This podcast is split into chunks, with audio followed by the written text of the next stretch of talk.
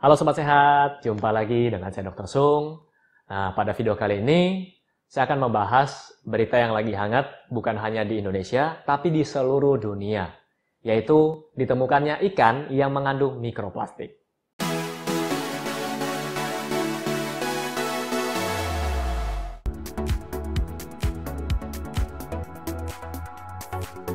Ya, Sobat Sehat, baru-baru ini saya membaca di surat kabar, ah, yaitu Jawa Post, bahwa ikan di Kali Surabaya ternyata ditemukan mengandung mikroplastik. Dan setelah saya membaca koran tersebut, saya mencari informasi lagi di internet.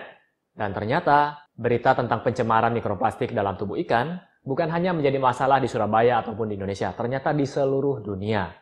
Jadi saya akan bacakan buat Anda, ada data yang saya dapatkan. Jadi dari CNN Indonesia, berdasarkan data Jambek 2015, Indonesia berada di peringkat kedua dunia penghasil sampah plastik ke laut yang mencapai sebesar 187 juta ton setelah China yang mencapai 262,9 juta ton. Jadi Indonesia merupakan peringkat kedua setelah China. Kemudian peringkat ketiga adalah Filipina yang menghasilkan sampah plastik mencapai 83,4 ton, lalu diikuti oleh Vietnam 55,9 juta ton, lalu Sri Lanka yang mencapai 14,6 juta ton per tahun. Nah, mungkin Sobat Sehat bingung, ngapain sih Dokter Sung bahas ini? Ini kan yang makan kan adalah ikan yang terdapat di tubuh ikan. Jadi gini, plastik ini sudah mencemari kali, sungai, dan laut. Ya, apalagi laut ini semua benua terhubung oleh laut. Dan kita tahu sumber uh, makanan kita sebagian besar juga berasal dari laut. Jadi sampah-sampah plastik tadi yang sudah menggunung ya, terutama di kota-kota besar, apalagi di Indonesia ya, tadi sudah masuk ke urutan kedua, jadi sampah-sampah ini banyak yang masuk ke kali, akhirnya masuk ke sungai, dan masuk ke laut. Dengan panas sinar matahari, kemudian ombak, plastik tersebut bertabrakan, bergesekan, akhirnya membentuk namanya mikroplastik, plastik-plastik yang berukuran kecil, dan ini menjadi makanan-makanan ikan-ikan kecil. Nah, ikan kecil tersebut akan dimakan oleh ikan yang lebih besar. Ikan yang lebih besar akan dimakan oleh ikan yang lebih besar lagi. Dan Anda tahu, rantai makanan tertinggi atau teratas itu adalah manusia. Nah, terus apa hubungannya? Kan sudah diurai oleh ikan plastiknya. Sebenarnya, sampah plastik itu tidak gampang diurai. Jadi kalau Anda beli belanja ke supermarket, Anda beli pakai kantongan plastik, kantung plastik membutuhkan waktu sekitar 10-12 tahun untuk bisa terurai sempurna. Kalau botol plastik bagaimana? Karena lebih padat, ya. Jadi botol plastik ini membutuhkan waktu lebih lama, sekitar 20 22 tahun untuk bisa terurai sempurna. Dan bahkan, jika Anda sering belanja menggunakan styrofoam, Anda makan di luar, styrofoam ini membutuhkan waktu ratusan tahun, bahkan hingga 500 tahun untuk terurai sempurna. Jadi ikan kecil, ikan besar yang mengkonsumsi mikroplastik tadi, tidak dapat diurai sempurna dalam tubuh mereka. Dan yang terakhir makan adalah manusia.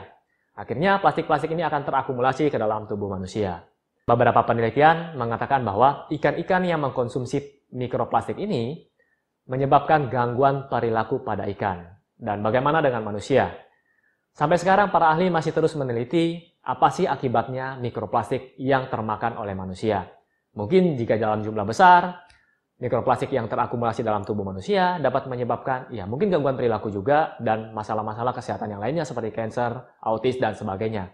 Dan ini masih terus mendapatkan perhatian dari para peneliti-peneliti di luar sana. Dan saya rasa Indonesia pun sudah mulai banyak fakultas yang meneliti masalah ini. Lalu kenapa sampai sekarang manusia atau orang-orang masih sangat suka menggunakan plastik? Padahal saat plastik ini dapat mencemari lingkungan. Alasannya adalah plastik ini mudah dibuat, lebih fleksibel, tidak mudah pecah, lebih tahan lama, ya, dan gampang.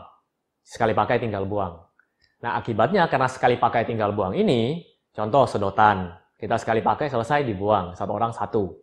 Ya, Anda bayangkan kalau setiap hari Anda konsumsi di luar, Anda menggunakan satu sedotan, satu orang dalam satu bulan bisa mengkonsumsi mungkin bisa 60 sampai 90 sedotan kalau setiap hari harus makan di luar pagi, siang dan malam. Kemudian styrofoam, piring plastik, sendok plastik yang sekali pakai dibuang. Nah, proses pembuatannya itu cepat, tapi proses penghancurannya atau penguraiannya itu membutuhkan waktu puluhan tahun bahkan hingga ratusan tahun, seperti yang saya sebutkan tadi styrofoam.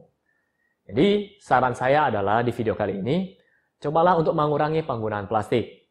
Jadi mungkin bagi Anda yang ingin beli makanan di luar, Anda bawa wadah sendiri, Jadi mengurangi penggunaan styrofoam, itu yang pertama. Kemudian ada yang belanja di luaran. Sekarang sudah banyak swalayan-swalayan yang menyediakan kantong belanja menggunakan tas kain. Jadi mengurangi penggunaan plastik atau mungkin menggunakan kerdus, ya. Dan sampai saat ini Indonesia masih banyak yang belum sadar orang-orangnya untuk membersihkan pantainya sendiri atau lautnya sendiri. Sampai-sampai ada beberapa organisasi dari luar yang membersihkan pantai di Indonesia. Saya memberikan contoh For Ocean yang membersihkan laut di Bali atau pantai di Bali. Jadi terima kasih kepada tim sukarelawan For Ocean karena mau membantu membersihkan sampah di Indonesia. Nah, buat Anda, kita sebagai orang Indonesia yang ingin terlibat dalam menjaga kebersihan laut kita, sungai kita, mungkin di sini saya akan uh, masukkan beberapa link sukarelawan yang turut serta dalam menjaga kebersihan lingkungan kita. Mungkin Anda bisa turut serta membantu, ya. Paling tidak mulailah dari diri sendiri dulu. Kalau Anda mau ikut aktif membersihkan sungai, membersihkan laut, silakan.